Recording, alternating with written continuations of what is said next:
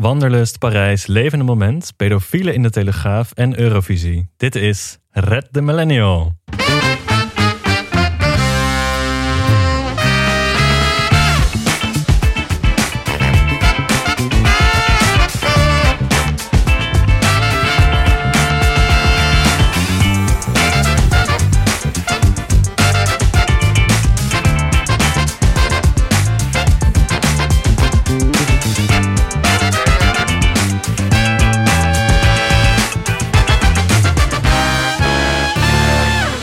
Hallo allemaal en welkom bij Red de Millennial.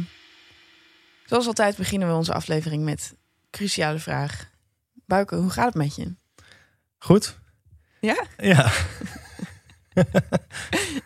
ik, eh, ik ben op wandelweekend geweest. Je bent op wandelweekend geweest? Ja. Ik ben met een, eh, met een groep vrienden eh, zijn we voor vier dagen naar Zuid-Limburg gegaan. Exotisch. Exotisch. Ja. ja. Daar kom ik nooit. En daar hebben we eh, de Seven Summits gedaan. Maar wel in Nederlandse termen dan. Ja, dus de zeven stelste eh, hellingen van Nederland hebben we beklommen. En is dat dan echt een helling? Oké. Ja, het was echt ongelooflijk zwaar, maar echt ook niet leuk, zeg maar. Serieus? Ja. Oh, ik dacht dat ik alleen maar lof zou horen over je Nou, het, wandelweekend. wa- het, het was heel leuk, maar daar kom ik straks op. Maar we hebben dus elke dag eh, ongeveer 30 kilometer gelopen. Wat echt, echt best wel veel is. dat is een tering eind. Gewoon. Ja, dat is echt een tering eind. En dan heb je ook gewoon een enorme rugzak eh, op je rug. Eh, maar ongeveer 20 kilo aan Want jullie bepakking in zit. liepen van, van camping naar camping. Ja, we liepen van camping naar camping. En elke camping lag ook net een beetje van de route af. eh, waardoor je deed het net iets langer moest lopen, zeg maar. Oh ja. Ehm, maar er zijn best wel steile hellingen in Nederland. Kom je dan opeens achter. Ja, dat verbaast me wel. Ja, ja, Ik meen mij te herinneren dat jij speciaal hiervoor nieuwe schoenen had gekocht. ja En toen klopt. zei ik van dat is niet de goede zet, want je moet ze natuurlijk inlopen. Ja. Is dat het bl- blijk ik gelijk te hebben? Nee. Oh, Kut. ik dacht dat je hier met echt etterende blaren zou zitten. Nee, ik heb maar één blaar gehad op de laatste dag. Maar verder ging het wel goed. Maar ik ga wel even een lofzang houden op lopen. Oké, Want lopen is echt fantastisch. Ehm, en dit gaat echt extreem millennial worden. Maar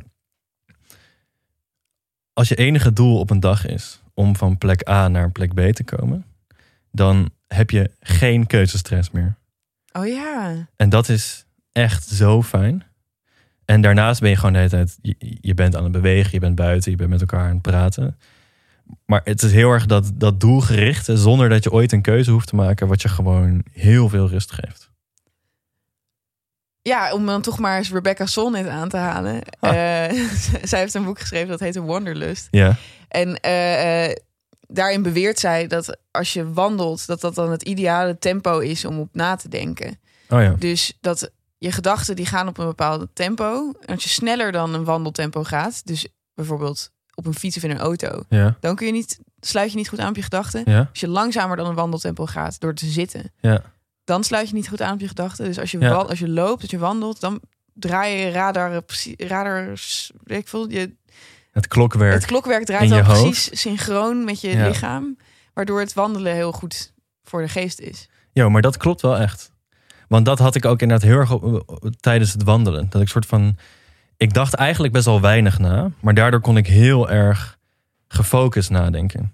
En waar je normaal als je nadenkt, ga je van, van, van hot naar her natuurlijk. En ik kon nu gewoon he- best wel ook gewoon. Het klinkt heel raar misschien, maar ik kon echt zelf kiezen waarover ik nadacht. En ik kon gedachten echt beginnen en eindigen. Snap je wat ik bedoel? Ik snap wat je bedoelt, maar ik heb het nog nooit in mijn leven meegemaakt, geloof ik. Ehm, Wandel je vaak? Ehm, ja, maar dat is meer van, van die pandemiewandelingetjes. Zo van, ik moet er echt even uit vandaag. En, Ja, dan, ja, ja, en dat je dan ja, ja. even 20 minuten beent. En dan heb ik vaak dan een muziek of podcast of zo. Iets wat, wat ik dan luister. Ja. Eh, en ik kom eigenlijk nog onrustiger terug dan ik begon. Ja. Maar ik heb me eigenlijk voorgenomen toen, ik nog, toen ik nog wel in het, naar- in het echt eh, naar college mocht... om dan daarheen te gaan lopen. Ja. Eh, want dan heb je echt een gezette tijd op de dag... Ja, dat je alleen bent met je gedachten. ja, En dat je niks anders kunt dan lopen. ja. Het is een hele rare opzettelijke beperking die je dan oplegt. Maar dat denk ik ook altijd over wandelvakanties. Ja. Zo van, waarom zou je? Ja, maar dat is natuurlijk, het is ook afzien, zoals ik aan het begin zei. Maar dat is dan ook weer waar je het plezier uit haalt. Oh ja. Want alle kleine dingen worden ook weer fijn. Als de zon schijnt, is het opeens een, een, een godsgeschenk, zeg maar. oh ja, ja. Ehm, Had je heel erg last van eh, het weer? de eerste dag heeft het echt enorm hard geregend, voor Oh ja. drie uur. Oh ja. En toen was het echt niet meer leuk. er is ook daarna één vriend afgegaan. Echt waar? Ja. Wat een poesie. Oké, maar jij, je kunt dus als je zo, eh, zo'n rust in je geest hebt... omdat je niks anders te doen hebt dan van A naar B gaan... Ja. dan kun je heel erg gericht je gedachten sturen. Ja. Maar waar denk jij dan aan op zo'n moment? Denk je over, je over je werk na of over je studie of over je leven? Leuke vraag. Over, ik, over mijn studie en mijn leven, denk ik. Oké. En dat zijn überhaupt de dingen waar ik vooral over nadenk. Maar je stelt jezelf dan echt een gerichte vraag van ik ga dan nu eh, ga ik een uur nadenken over mijn toekomst. Nee, het is meer dat er iets naar boven komt. En dan dat ik dan, dan kan je heel bewust soort van kijken van, vind ik dit interessant? En zo ja, dan ga ik daar nu verder over nadenken. Oké. En dan wordt het wel echt ook een soort van gesprek met jezelf. Dus dan kan je echt gaan nadenken over van, ja, dan kan je gewoon jezelf vragen stellen. En, en zo kom je ook verder. En Was ik wil je- nu niet heel hoogdravig gaan doen over mezelf, maar eh, heel veel filosofen hebben ook wandelend eh, hun, hun ideeën ontwikkeld. Bijvoorbeeld Kant, eh, die wandelde elke dag hetzelfde rondje in de ochtend. Eh, Kant was waarschijnlijk ook vrij autistisch. Zijn, zijn hele filosofie gaat ook alleen maar over regels en principes. Oh ja, ja. Maar goed, en, en Nietzsche die heeft zijn- al zijn werken in de bergen geschreven terwijl hij aan het wandelen was. En hij zegt ook altijd, of altijd, hij is hartstikke dood, maar hij zei altijd: eh, ehm, Je moet mijn filosofie ook zien als iets dat, dat je lichamelijk meemaakt. Je moet het Oh. niet alleen maar lezen in een boek, je moet het doen. En ja, Dat is best wel vet. ja Maar je kunt, oké, maar dat is eh, concreet. Je gaat dan toch geen dingen opschrijven terwijl je aan het wandelen bent. nee, klopt. Dus je komt dan thuis, kant zijnde, Ja. en dan noteer je de dingen die je hebt bedacht in de bergen. Ja, Kant zijnde kom je dan thuis en dan ga je noteren. Maar Bouke zijnde ben je eigenlijk alles alweer vergeten. wat je toen hebt bedacht. Oké, dan om het nog even te toetsen aan de millennial toets. Ben Ja. je ook echt op wandelweekend gegaan om je hoofd leeg te maken? Of om na te denken, zeg maar? Of was het gewoon lachen en je mag toch het buitenland niet in? Ik ben, ik ben meegegaan. want Een vriend van mij heeft het helemaal georganiseerd. Omdat ik eh, dat gewoon gezellig vond. En ik wilde heel graag die uitdaging doen. Oh ja, Dus hij, was zo, hij is zo'n beetje iemand die zo zegt van... Ah, ik weet niet of je het wel kan. En eh, het wordt heel zwaar. En dan oh, wat denk een ik... haantjes. Oh, dan ga, ik- dan ga ik wel even laten zien dat ik Ja. dat kan. Dus daarom ben ik meegegaan. Maar het heeft wel heel erg geholpen om mijn hoofd leeg te maken, ja. Oké. Ik ben helemaal onthaast. Hoe was jouw week?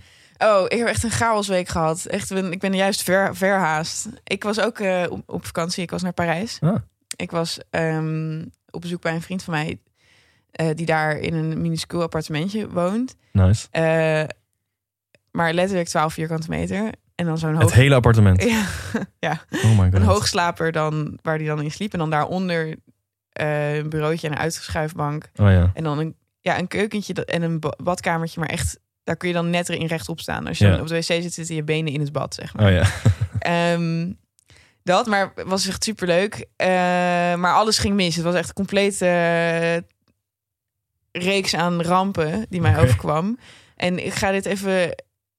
Dit eindigt in mijn zelfverbeteringsplan, dit verhaal. Wauw. Eh, dat ik- Dat is nog eens podcast, dat hè? is, nog eens, dat is nog eens een draaiboek maken. Ehm, nee, oké, want wat er gebeurde.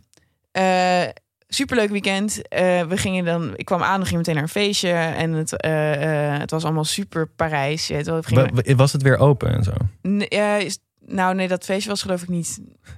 dat mag dan niet daar. Nee, oké, maar leuk. Ja. Eh, eh, nee, de terrassen waren net een paar dagen open. Dus daarom Oh ja. Oh heb ik gewacht tot afgelopen weekend. ja. Omdat ik dacht van, anders kun je echt helemaal nergens heen. Maar Ja. er is nog wel avondklok tot negen uur. Ja. En ehm, je moet op straat een mondkapje. Dus Ja, het is een oké. stuk strenger dan hier. Ja. En, eh, maar volgens mij wordt het niet heel goed gehandhaafd. En in ieder geval, maar op dag twee, toen hadden we het Songfestival gekeken. En toen ja. fietsten we terug, eh, want de metro die sluit op een gegeven moment. En je hebt daar overal op straat kun je van die elektrische fietsen huren. ja. Dus dat was echt geweldig, was echt een droom. Want ik was nog nooit op zo'n snelle fiets geweest. Ja. En je vliegt dan echt door die stad. Ja. En die was helemaal uitgestorven. En we gingen echt, voor mijn gevoel, 100 km per uur. En het was echt geweldig. En Ja. toen maakte hij ineens een smak. De Oeh. jongen bij wie ik daar logeerde. Ja. En ik dacht, dat overkomt elke Nederlander elke zaterdagavond. Ja. Dus hij zei van, "Mm, mijn arm doet pijn. En zei van, ik zei toen van, ja, maar beter stap je gewoon weer op je fiets. We zijn bijna thuis. Ja, En- gewoon Hollands ja, mentaliteit. maar dit, overkomt mij, dit is mij ook tientallen keren overkomen. Ik Ja. heb een litteken op mijn gezicht ervan. En ik Echt? dacht van, ja, hier op mijn kin. Ah, ja. Daarom doen we dit in audio, anders ik wil natuurlijk niet in beeld zijn. Ehm, nee, en hij was wel een beetje aan het piepen, maar ik, zei, ik dacht van, ja, maar laten we nou in godsnaam naar huis gaan. Want anders moet ik nou weer een taxi gaan bellen en weet ik voor wat. En toen de volgende ochtend, toen zei hij van, ja, ik kan toch wel echt mijn arm niet bewegen. Oh, Ja, en toen ging hij naar het ziekenhuis. En omdat het daar een stelletje socialisten zijn, moest hij echt uren wachten. Ik ging intussen gewoon Parijs in. Ehm, toen bleek het ook echt gebroken. oh dus hij fuck. heeft zijn arm gebroken. echt. Dus dat was Oh, ramp shit. 1. Ja. En toen, oh ja, de ochtend toen hij naar het ziekenhuis ging, bleek dat de wc verstopt was. Wat hij gewoon niet meer deed. Hij woont in zo'n stokoud huis waar Ja. niks werkt. ja. Eh, eh, heel romantisch, ziet er prachtig uit. Maar eh, die wc die deed het gewoon niet meer. Ja. Dus dat was ramp 2. Ja. Oh ja, en loodgieters in Frankrijk, die werken gewoon niet op zondag. eh, eh, en ook niet op maandag. En, eh, Gewoon niet. eigenlijk gewoon niet. en eh, of nou ja, maandag was het een feestdag. Nou ja, anyway, het was echt, dat was ook ramp 2. En toen Dus hij zat met, met een gebroken arm thuis en hij kon niet eens hij kon naar, niet de eens wc. naar de wc. Nee, ja, we moesten dan in bad pissen. en als je wat anders moest, dan moest je naar een café. En dan doen alsof je daar voor de koffie kwam. Ja. En dan na een schappelijke hoeveelheid tijd zeggen... oh, mag ik gebruik maken van het toilet? Koffie helpt wel daarbij. Ja, nou precies. Ja. Dus als je dat strategisch tuimde, was er helemaal geen probleem. Ja. Ehm, en toen ging ik terug naar huis eh, maandag eind van de middag. En eh, stond ik in de rij voor de Thalys. En toen bleek er een, contro- een controle te zijn, een coronatestcontrole. Ja. En ik dacht dat dat niet zo zou zijn. Want ik had opgezocht van, wat zijn de regels om Frankrijk in te komen? Ja. Oké, je moet een negatieve PCR-test hebben. Ja. Wat zijn de regels om Nederland in te komen? Als je Nederlander bent, Ja. niks. Tien dagen quarantaine. Oké. Dus ik had geen PCR-test gedaan, weg, terug eh, weg. Dus ik werd niet de Thalys ingelaten. Oh. Dus ik stond daar met mijn koffertje echt te huilen tegen Oh. al die mensen. Van, want zodra iemand me streng toespreekt, barst ik in huilen uit. Ja. Gewoon altijd. Ja. Ehm, dus ik was, stond daar echt te janken van, oh, I have to go home. En Ja. eh, ze waren echt ijskoud, want dat is niet mijn probleem. Maar je Nee. boekt maar een hotel. Ja. En eh, toen, dit is het gênantste, het was heel Hollands van mij. Ze keken toen op een gegeven moment allemaal weg. Zeg maar die bewakers en de eh, mensen van de Thalys en zo. Ik had iedereen al om hulp gesmeekt. En toen Oh, is ze die- keken weg zo van, we gaan geen aandacht meer geven aan jou. Ja, en ik dacht dat dat op zijn Hollands was van... Wij knijpen, wel even- we kijken, zien dit wel even door de vingers. Oh, Ik dacht dat ze een signaal aan het afgeven waren van... nou, we hebben ons werk gedaan. Ja. En nu kun je wel even die trein instappen. Ja. Dus ik stap de trein in. Krijg meteen meteen bij mijn schouder gepakt. echt? Oh, Door zo'n guy van de Thalys van... wat heb ik nou net gezegd? Eh, en oh, we need you to leave the station now. En zo. Het Oh, was echt heftig. heel... Ja, maar ja, terwijl ik kan helemaal... Want ik, ik, ben, ik wil, ben altijd iedereen's favoriete leerling, zeg maar. Dus ik, ik, kon, ik kon niet hebben dat die mensen zo teleurgesteld in mij waren. Dus ik stond daar echt te janken op het station. Toen moest ik nog twee dagen blijven... tot ik een eh, negatieve coronatest binnen had. ja. Dus ik, ben, ik zat vast in Parijs. Ja. En daar, nu komt mijn zelfverbeteringsmomentje. Want ik vond het helemaal niet leuk. Ik heb jou toen ook geappt van, oh Ja. nee, ik zit vast, ik zit hier vast. Ja. En toen appte jij terug van, ja, maar het is hartstikke leuk. Ja. Nog twee dagen extra Parijs, dat is toch heel feestelijk. Ja. Ehm, en dat is het ook. En ik, Ja. heb- ik werk helemaal niet in een kantoor in het echt. Dus ik, het kon ook prima. Maar het feit dat ik het niet gepland had, dat stuurde mij een inzinking in ongeveer. En toen dacht ik van ja, maar als ik nou één ding aan mezelf kan veranderen, dan is het wel. En hier komt zelfverbeteringshoekje. Ja. Is het wel dat ik de inherente chaos van het leven wat meer als een soort feestelijk iets zie. Ja. En wat minder als een soort reden om in de stress te schieten. ja. was- Want, want waarom schiet je dan in de stress, denk je? Want je wordt een beetje radeloos ervan. Ja, controleverlies, denk ik. Ja. Ik heb gewoon een kaartje waarop staat...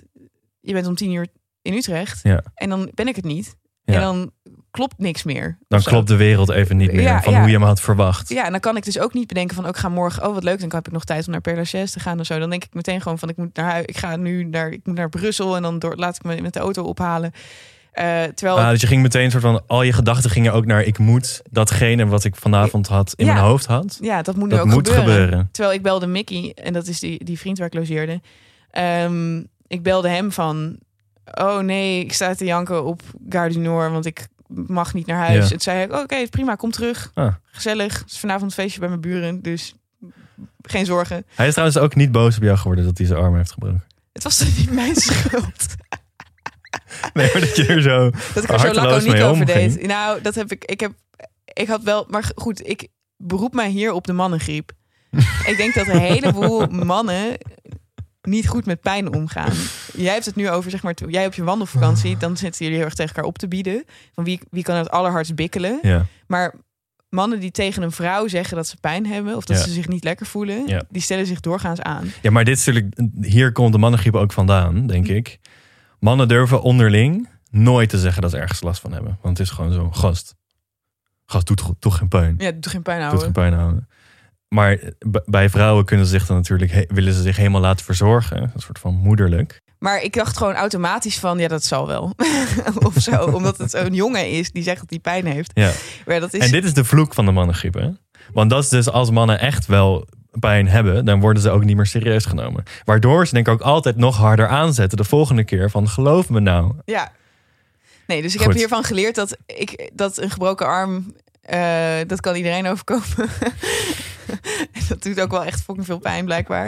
En ik heb nog nooit... Les wat- van de week. Ja. Een gebroken arm kan iedereen overkomen. Nou ja, en mijn, maar goed, we en- hadden het dus over, j- jij wil eigenlijk meer in, in, het, in het moment ja, leven. Ja, goed, het is natuurlijk, heel veel mensen zijn zo en die kunnen dan heel erg spontaan handelen en, en in, elk, in elke eh, ramp een feestje zien en ehm, controleverlies helemaal niet erg vinden. Ja. Of juist dat als een avontuurtje zien. Ja. Ik werd gewoon keihard geconfronteerd met het feit dat ik niet een heel avontuurlijk iemand ben. Ik vond het heel avontuurlijk van mezelf dat ik naar Parijs ging.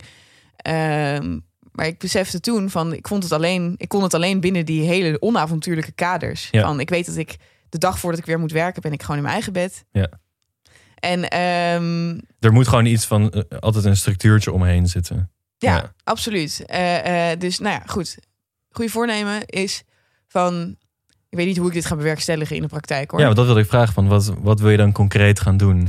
Ik denk meer ja zeggen tegen dingen. Ja. Gewoon als iemand zegt van ge- iets heel randoms doen, dat je dan niet gaat denken van, oh maar is dat wel iets voor mij en kan Ja. dat wel en moet ik Ja. niet oppassen en moet ik niet de volgende dag dit en dat. Ja. Dus dat ik dan wat meer gewoon daar wat chiller in word of Ja. zo. Mag, mag ik je een tip geven? Ja? In het Oh, zelfverbeteringshoekje. ja, tuurlijk. Want dan rijg ik ook even, ik rijg het aan elkaar met waar we het eerder over hadden. Is goed. Wat best wel goed werkt om in een moment te leven, is om gewoon de deur uit te gaan en te gaan wandelen zonder dat je van tevoren hebt bedacht welke route je gaat doen. En gewoon de hele tijd jezelf dwingen om elk moment, bij elk steegje, elk straatje gewoon te kiezen waar je zin in hebt om heen te gaan. Ik zou dit nooit kunnen. Hoezo niet? Ja, ik zit dan bij elke hoek van het paniekeren van en nu dan? En waarom ook? Ja. Ja, Maar precies daarom moet je het doen. oké. Want dit is namelijk ook, je doet het alleen. Dus je hoeft ook niet bang te zijn, soort van, Voor het oordeel. voor het oordeel. Ja. En het is eigenlijk heel makkelijk, want je gaat gewoon lopen. Maar en het is echt, het is echt best wel een goede tactiek om een soort van daar om meer in de willekeur te komen, denk ik. Oké, ik zal het uitproberen. Nice. Heb jij ook een zelfverbeteringsplannetje? ja, Ja, we toch ik- in deze hoek zitten. ja, ja, ja, nu we toch in deze hoek zitten. Ehm, ik, ik wil dus nog steeds meer gaan schrijven. Ja, jij had vorige keer, als ik me dat goed herinner, had je je voorgenomen om één keer 20 minuten te schrijven. Ja. Is dat gelukt? Het is gelukt. Kijk, gefeliciteerd. Ja, thanks. Ja. Dus dat wilde ik sowieso even delen. Ehm, ja, ik heb 20 minuten geschreven. Ik, ik- in de trein heb ik gedaan. Volgens mij gaf je toen zelfs nog van... Ja. Jij zit zo vaak in de trein. Ja. En toen dacht ik, ja, ik zit zo heel vaak in de trein. Ja. En dan heb ik in de trein heb ik t- 20 minuten geschreven. Ehm, nu komt het volgende probleem. Eh, ik vind het echt bizar slecht wat ik heb geschreven. Ja, maar daar kan ik je niet mee helpen, vriend. Nee, dat hoeft ook niet. Maar kijk, normaal als ik schrijf, en dit is eigenlijk best wel hetzelfde wat jij net zegt. Als ik schrijf heb ik heel erg structuur nodig. Mhm. Ik wil altijd een plan maken als ik schrijf. Ik wil eerst een soort van een mindmap maken. En dan ga ik die mindmap afwerken. En dan heb ik een, een affe gedachte, zeg maar. Terwijl eh, ik ging nu gewoon eh hashtag free writing Ja. doen. En gewoon 20 minuten alles wat in me opkwam opschrijven. Ja, dat werkt voor mij heel erg goed. Ja. ja, dat werkt voor mij echt niet Oh, wat grappig. ik, ik, het is echt, er zit geen lijn in. Het is oninteressant. Zou dit zijn Ja. omdat je een Leo Rising bent? Nee. Oké, maar dat is goed. Dan zit nu je in het zelfverbeteringshoekje zit. Hoe ga je dit dan verbeteren? Ja, ik denk dat ik toch voor dit stuk wat ik dan wil schrijven, gewoon wel een structuur moet maken. Oké, Eerst. nou je hebt iets geleerd over jezelf. Ik heb mezelf verbeterd. Ja, dit is wel de eerste keer dat het gelukt is. Iets in het zelfverbeteringshoekje. Ja, klopt. ja, Ja, daar zouden we een soort leuk geluid voor moeten Ja, zo. hebben. En, eh, ja. ja. Dat komt later wel.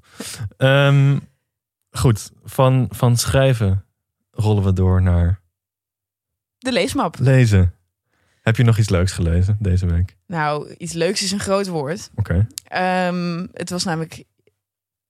Ik heb heel erg een vraag over het volgende. Oké. Eh, ik heb namelijk gelezen deze week ehm, een column van Jeffrey Wijnberg. Dat is een, eh, eh, een, een eh, oude meneer die een column heeft in de Telegraaf. Oké. Dat is ook toevallig de vader van Rob Wijnberg, oprichter van de correspondent. Ja. Ah, wow. Ja.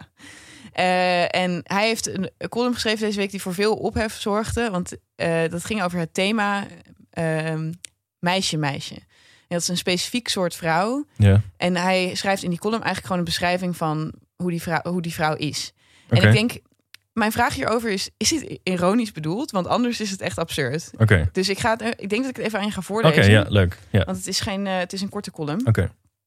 En eh, ik doe nu een dramatic reading van Meisje Meisje door Jeffrey Wijnberg.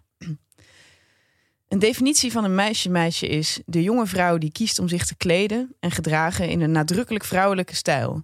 Met een voorkeur voor roze of rood, voor opvallende make-up en parfum en voor rokjes, jurkjes en blouses. En praat over relaties en andere activiteiten die geassocieerd worden met de traditionele geslachtsrol van een meisje. Maar het meisje-meisje zijn betekent veel meer dan een verzameling van wat uiterlijke kenmerken. Vooral in psychologisch opzicht is het meisje-meisje een bijzonder fenomeen. Belangrijk is dat deze typering pas populair geworden is nu de emancipatie van de vrouw zich zo sterk ontwikkeld heeft. Is de vrouw van nu nadrukkelijk zelfredzaam, financieel onafhankelijk, carrièrebewust, functioneel gekleed, naturel, assertief en zelfverzekerd, ook zonder man? Het meisje-meisje is van een ander kaliber. Zij kan zich sterk onafhankelijk ontwikkelen, maar heeft tegelijkertijd geen enkele moeite met gevoelens van aan- of afhankelijkheid in relatie met een man. Het meisje-meisje vindt het belangrijk om nodig te zijn, als ook de ander nodig te hebben.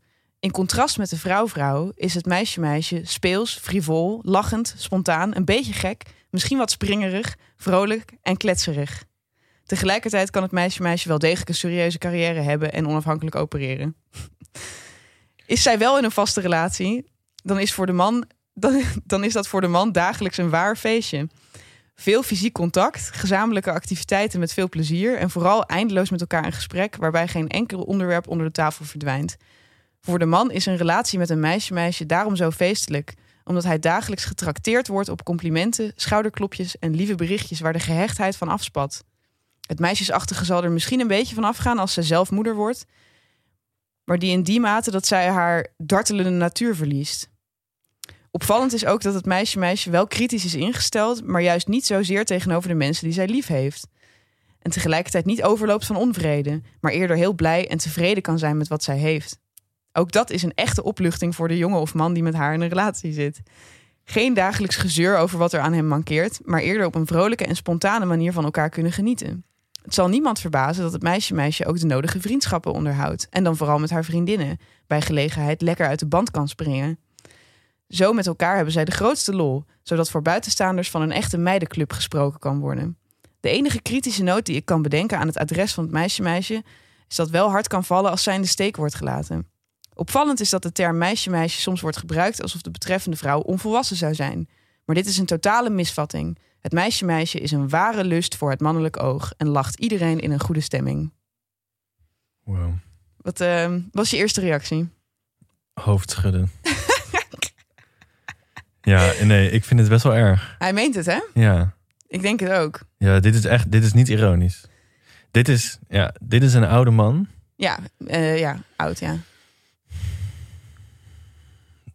Ik vind het vrij schokkend hoe erg dit over hele jonge vrouwen gaat, ja, dat is, duidelijk. dit is ook, ik, heb, ik ging wat dingetjes opschrijven. Dit is een van de dingen, het is best wel pedoseksueel. Ja, het- ik wilde dat niet zeggen, maar Nee, het is echt, het is meisje, meisje. Hij zegt ook nadrukkelijk, het is anders dan een vrouw, vrouw.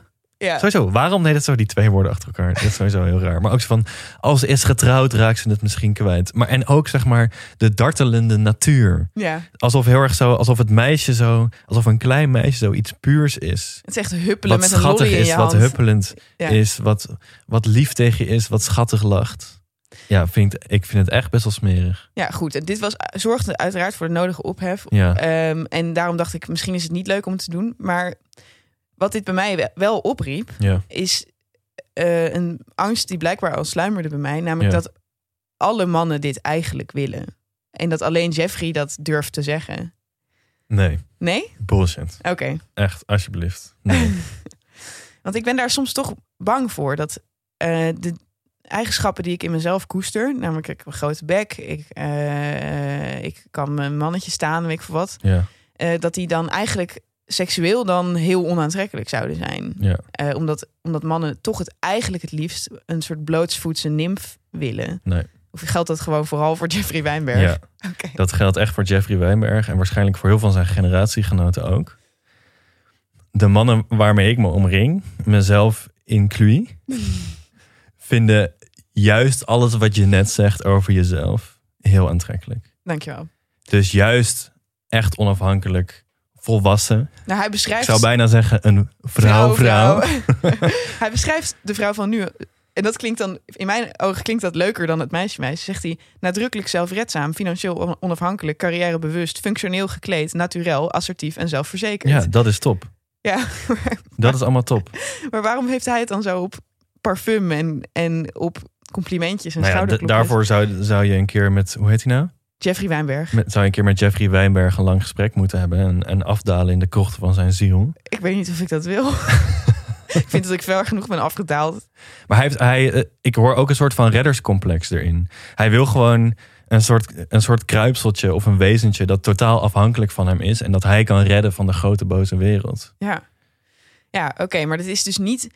En hij is bang voor vrouwen die wel onafhankelijk en zelfredzaam zijn. Ja, hij zegt ook dat het meisje meisje zo bekoorlijk is... omdat ze niet te veel kritiek levert. Ja, Het is echt dood. hij wil gewoon een, een ja-knikker die hem helemaal fantastisch vindt. Ja. Waarschijnlijk is hij gewoon heel onzeker. Dat denk ik eigenlijk. Ja, maar hoe kun je nou een man van 60 plus zijn en zo onzeker zijn?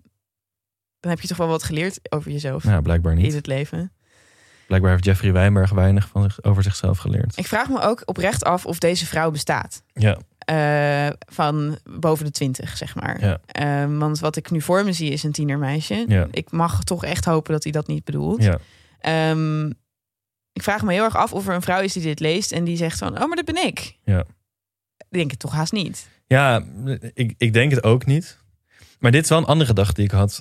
Ook, ehm, het is natuurlijk niet erg als een vrouw wel zo is. Nee, helemaal niet. Want eh, iedereen moet, moet lekker zichzelf zijn. En eh, m- misschien zijn er ook wel vrouwen die wel, die, die wel zo zijn. En die ook nog eens vallen op mannen zoals Jeffrey Wijnberg. ik wens ze heel veel geluk toe. D- dat- dat zou natuurlijk fantastisch zijn voor iedereen. Ja. Alleen het gevaar van zo'n columnschrijf is dat hij doet net alsof hij het heeft over alle vrouwen. Alsof dit een hele s- duidelijke categorie is waarin Ja. je kunt vallen of niet.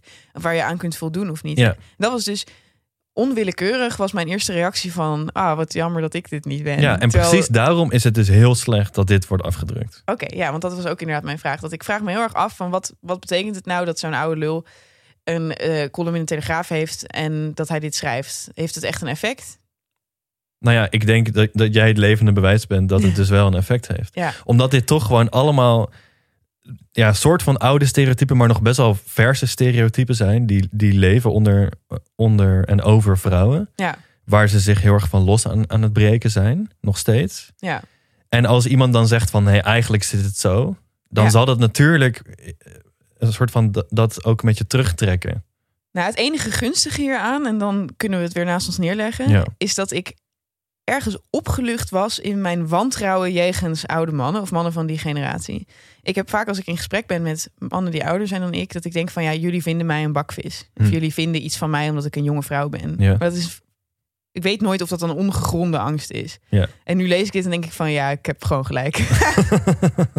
Of in ieder geval het waakzaam zijn en, en het behoedzaam omgaan met je identiteit als vrouw. En, en jezelf die moeilijke vraag eh, stellen van hoe presenteer ik mezelf als vrouw dan wel meisje. Dat is een terechte vraag, blijkbaar. Want er zijn Ja. mensen die daarover nadenken. Er zijn echt mensen die jou beoordelen op het feit dat je je vrouwelijkheid op een bepaalde manier wel of niet inzet. ja, helaas moet je daarmee bezig zijn. Ja, maar ik dacht Oh. wel van, ik ben een aansteller dat ik daar af en toe over nadenk. Maar nu denk ik van, nee, wacht eens even. Dit zijn nog steeds, de, de hele grote generatie is nog steeds best wel zo. Dat je erover nadenkt is, is denk ik heel goed. En- en- maar dat is ook tragisch natuurlijk. Want in de ideale wereld zou dat niet zo hoeven zijn. Nee, maar goed, ik ben in ieder geval eh, bevestigd in mijn, eh, in mijn paranoia. Ja, jegens a- oude mannen. Maar ik zou dus echt niet denken dat, dat mensen van onze leeftijd ook zo naar je kijken. Nee, dat is eh, geruststellend. Ja. Jij hebt vast ehm, iets van een hogere plank gehaald dan va- de colum- columns in de Telegraaf. Ja, ik, ik wil een boek eh, bespreken dit keer. Vertel. Eh, ik ben eh, Frictie, Ethiek en Tijden van Dataïsme aan het lezen. Van eh, Mirjam Rasch. Eh, Dataïsme is nu al een woord dat ik niet ken. Ja, dataïsme is iets waar wij het heel vaak over hebben. Maar M- Mirjam Rasch eh, legt, uit, legt uit dat dat dus een, een, een stroming is. Dat is eigenlijk het idee dat alles in het leven te vangen is in data, in getallen. Oh ja, En dat we ons daardoor moeten laten sturen. oké. Dus eigenlijk, het is het, is het geloof dat achter elk algoritme zit. Eh, van, als ik maar genoeg weet over jou... en alles wat ik over jou kan weten... zou ik in een grafiekje kunnen zetten en kunnen, kunnen uitrekenen. Dan kan ik dat in een algoritme stoppen... en dan kan ik voorspellen wat jij morgen wil oh kopen ja, ja. of zo. Dat is dataïsme. En dit boek, eh, Frictie, het heet Frictie omdat zij eigenlijk zegt van... wij laten ons zo erg leiden door getallen en daardoor... eh, het dataïsme probeert een beetje al het ongemak van het leven weg te werken. Oké, ja, want je, je, die willekeur waar we het eerder over hadden, Ja, die ontken je daarin. ja zij geeft bijvoorbeeld het voorbeeld dat als mensen gaan wandelen... dat ze dat doen met Google Maps Ja, en een route uitstippelen. Waardoor je nooit meer hoeft na te denken over of je nou links of rechts wil. Omdat je dan, en dan kun je elke keer dat je dat keusmoment kun je elke keer ontlopen. En dat is heel erg makkelijk, dat is heel erg comfort.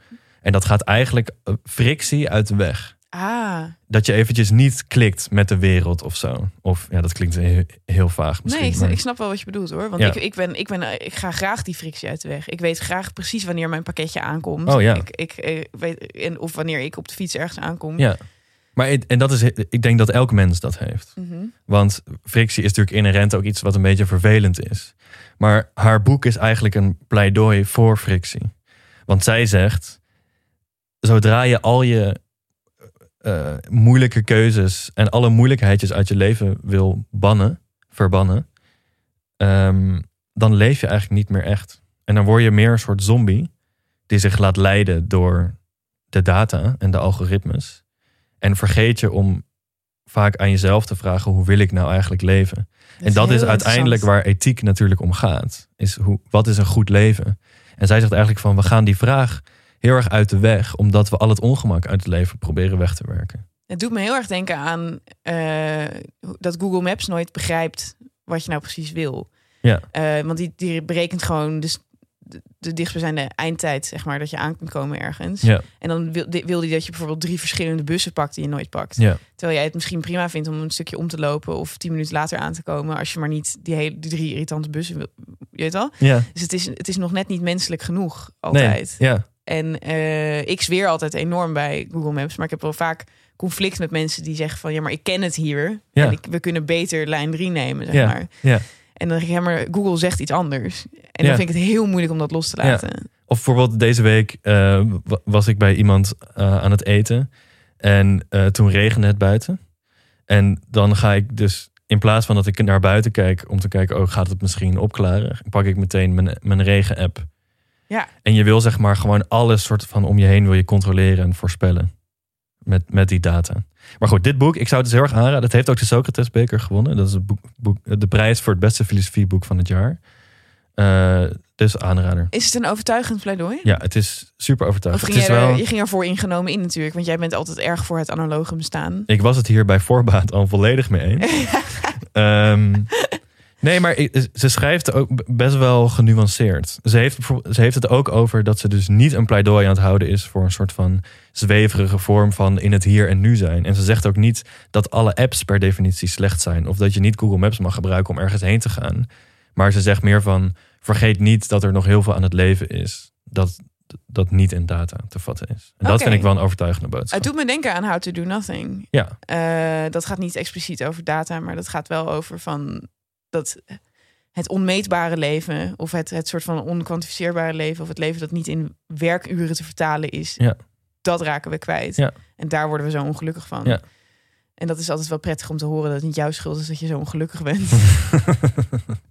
Dat is de schuld van, van, van de data. ja. Ah, Ja. Eh, maar dit klinkt serieus heel goed. Goede, goede reclame voor gemaakt. Nou, thanks. Ja.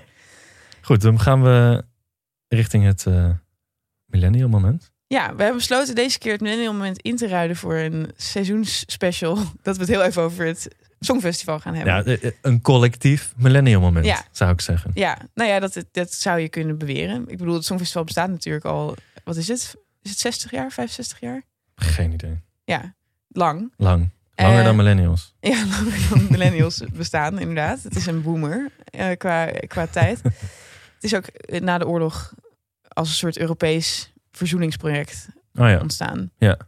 Ehm, want je hebt gekeken. ik kijk elk jaar. Ja. Ik kijk echt religiously. Ik ben Oké, jij een enorm bent echt fan een van het fan. Songfestival. Ja, ja. Oké. Dat is ook, het is ook, als ik het zo kijk, is het erg gericht op vrouwen en homo's. Dus bij mij thuis is dat erg populair. Ehm, waar ik uitsluitend omga met vrouwen en homo's. Ja. Ehm, het verbaasde mij dat jij dit jaar aan het kijken was. want Het leek mij helemaal niks voor jou. ja, Is, kijk jij meestal? nee. Waarom keek je dit jaar wel? Nou, ik heb dus het gevoel dat het dit jaar dus onder onze leeftijdsgenoten opeens een beetje is opgebloeid. En dan loop ik natuurlijk als een schaap mee met iedereen. Nee, maar ehm, ja, er werd heel veel in mijn omgeving over gepraat. En toen ging ik maar kijken. Ik heb met, met mijn zusje meegekeken. Oh ja. Ehm, dus Gen Z kijk- kijkt het dus ook. Is het niet ook omdat het nu in Nederland is? Ja. Dat het nu, po- dat het nu bij Nederlanders populairder is. Ja. Dat denk ik wel. Ja. Ik wil, ik weet dat je hier een millennial wending aan wil geven. ja. Maar goed, Jij hebt Ja. het wel over, eh, eh, en dat vond ik wel een goed punt, dat het, ze- het wordt in ieder geval wel erg gemarket naar eh, de, de jongere generatie nu. Ehm, Nou ja, het gaat dus heel erg over, over alternatief durven en, en- en, en kunnen zijn. ja, en dus ik- ik- inclusiviteit. Ja, en- ja, dat is natuurlijk ook een open deur. Maar het, het, gaat, het, gaat heel erg over, eh, over genderinclusiviteit. Ja. Dat Nicky de Jager bijvoorbeeld ook, ook presenteert. En alle Zij deed acts hebben geweldig eigenlijk een trouwens. maatschappelijke boodschap. Ja, ze deed het echt. ik ben, ik, ben, ik fantastisch. ben helemaal niet van de zeg maar, eh, make-up community op YouTube. Maar ik Nee. was echt verbaasd hoe goed zij dat deed. Ja, Ehm, nee, ehm, wat heel erg opvalt als je het al tien jaar kijkt, zeg maar, is dat eh, het was een stuk heteroseksueler eerst. Dus een heel groot deel van Hmm. de acts zette heel erg in op een heteroseksuele romance. Dus dan had je bijvoorbeeld de zangeres en, eh, en, een, en één mannelijke danser bijvoorbeeld. Oh ja. Of je had eh, echt een duet tussen eh, een man en een vrouw. Ja. Meerdere keren eindigde dat dan ook echt in een zoen op, op het podium. ah, oké. En dat was nu nergens te bekennen. Nee. Ah. Dus de Ja. liefdesliedjes die waren ehm, nou, aan het adres van een vage liefde vaak. Hm. Werd niet duidelijk of dat nou om een vrouw of een man ging, zeg ja. maar. Ja, ja, ja. En er was heel veel uitdrukkelijke eh, eh, uitingen van, van ehm, gendergelijkheid en, Ja. en, en ehm, LGBT-spectrum dingen. Ja. Eh, en dat is echt nieuw. Dat is echt. Ah. eh, en ik denk dat dat sinds Conchita Wurst is. Want Oké. Conchita Wurst was natuurlijk een ontzettend spraakmakende act. Ja. Eh, dat was een drag queen. Ja. En eh, die heeft toen gewonnen. Ja. En ehm, dat was eh, eerst schokkend. En iedereen noemde. eh, dat is een, gewoon een man die zich als vrouw verkleedt. Het is niet Ja. een transpersoon, maar een Nee. drag queen. Ja. Maar iedereen noemde hem dan een vrouw met een baard en zo. En dat was toen echt. Het schoot iedereen een beetje in het verkeerde keelgat. Ja. Maar hij won. Ja. En. eh, Maar ik had sindsdien- toen heel erg het gevoel dat het, eh, dat het Eurovisie Songfestival eigenlijk altijd al dat soort dingen vierde, het alternatieve. Ja, zeker. En dat toen de mainstream er heel erg overheen viel, dat, dat, dat, dat Conchita Wurst won. Precies. Maar jij zegt eigenlijk van vroeger was het wel nog veel heteronormatiever. Het was allemaal. heteronormatiever, ja. Maar Ja. goed, nee, het, het Songfestival heeft wel altijd dit soort uitspattingen eh, centraal staan. Ja. En met een theatraal en, eh, eh, en... Maar ik denk dat het wel, dus zelfs de landen die altijd dezelfde saaie vrouw in dezelfde witte jurk daar neerzetten, die zijn nu aan het nadenken van, oh, wacht eens even. Het is misschien leuker om mee te gaan op, op dit soort activisme. Ja, Conchita Wurst was niet echt activistisch. Dat was meer echt een dragshow. Ja. Maar bijvoorbeeld Rusland, die hebben... eh, de afgelopen jaren hebben ze eigenlijk alleen maar. Ik moet denken aan eh, Polina Gagarina. Zij was gewoon mooie vrouw in mooie jurk, zingt ballet. Mhm. zij was- heeft een keer eerder Dat, gewonnen. zij was de tweede. eh, in, zij is hun succesvolste ex in de afgelopen jaren. ah, oké, ja. En nu hebben ze dan dit jaar hebben ze een zangeres gestuurd die een feministische boodschap uitdraagt. En, eh, en, en die daar in een broekpak of in een overal Ja. een, ding, een liednummer zie- zingt over. Ik weet niet of ze daar geen Russisch, maar iets feministisch. Ja. Heel krachtig. ja, Ja. eh, het was niet mijn favoriete act. Maar je ziet in ieder geval, het, het tij is soort van gekeerd. En het, de kritiek hierop is dat het gewoon hipdoenerij voor de jongeren is. Hm. En van de netwerken die willen, die sporen dit aan. Omdat ze dan jonge kijkers kunnen krijgen. Ehm, ik ben er sta er iets positiever in. Ik ja. denk van Eurovisie is altijd al een soort vreemde spiegel van de popcultuur geweest. ja. Eh, alles wat zich in de echte popcultuur afspeelt, wordt daar dan gepersifleerd en uitvergroot en in, met een soort Europese onhandigheid nagedaan. ja. Dus je had ook een, je had een soort Ariana Grande knock-off. En je had een Billie Eilish knock-off. En je had een eh, chick die heel erg aan Lady Gaga deed denken. Dus je, het, is alles wat er dan nu in de pop scene het goed doet, heb je daar. Ja. Dus als het nu eh, hip, hipper dan vroeger is om divers te zijn, eh, uiteraard zie je daar een afspiegeling van. Ja, en je kan zeggen van, oh, dat doen ze om, om jonge mensen naar de mond te praten en ze meer te laten kijken. Ja. Maar dat is echt de meest negatieve manier hoe je dat kan framen. Ja, en ik vind het ook niet nodig. Ik denk Nee. dat ik vond het, ik vond het eigenlijk, en dit misschien is het omdat het gewoon heel goed geregeld is door Nederlanders. ja. Maar het was echt de beste voorstelling in jaren. Het was echt heel goed gedaan. ja het, was, het was echt sick. Het Ja. was eh, echt heel gelikt. En ik Ja. vond ook de winnaar eh, was ik het toch uiteindelijk wel mee eens. ja? Ik was natuurlijk in, Fra- ik was in Parijs aan het kijken. Ja. Dus ik was heel erg voor eh, de Franse inzending. Barbara, en zij was geweldig. Nee. En ze had die chanson. Ja, jij vond het te saai, hè? Nee, ik vond, ik vond haar, haar nummer wel, wel goed.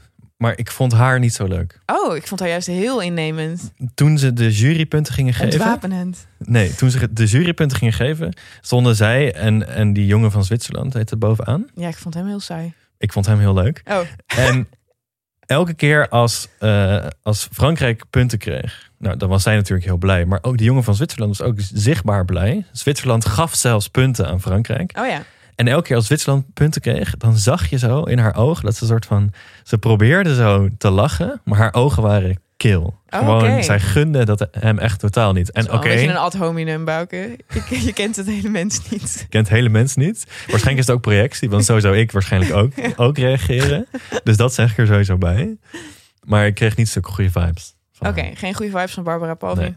Maar Italië, zeer goede vibes. Fucking vet, ja. Ja. Nou ja, goed, ik was eerst er van he, want ik, vind dat, ik vond dat City Ebony vond ik wel herrie eigenlijk. Ja, Maar toen ben ik daarna die band gaan opzoeken, vooral omdat ik de liedzanger natuurlijk heel lekker vond. yo, hij is ziek sexy.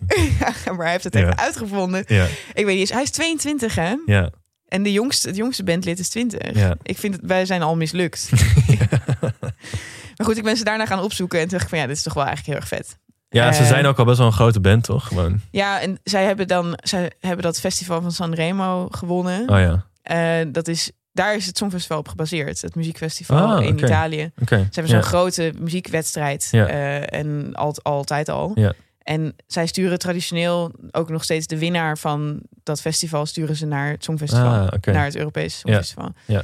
Ehm, dus ja, ze waren natuurlijk al heel succesvol. Ja. Maar goed, al met al... Ik heb het heel erg naar mijn zin gehad. Ik vond het Eh, superleuk. En ja. ik, eh, ik wou dat het elke week was. Ja. Nu begrijp, ik ben zo jaloers op mensen die voetbal leuk vinden of zo. Want die hebben dit gewoon altijd. Nee, het is anders. Ik vind voetbal heel leuk. Maar voetbal is zo vaak dat, je niet, dat het niet zo gezellig is als Eurovisie. Oké. Dit was echt bijzonder, zeg maar. Oké, nou een schrale troost. Schade troost. Trouwens, nog één millennial ding. En dan, dan gaan we echt afronden. Maar ik vond het ook heel grappig dat eh, na, het, na het Songfestival ging het eigenlijk vooral over of we die zanger van Italië wel of niet moesten cancelen.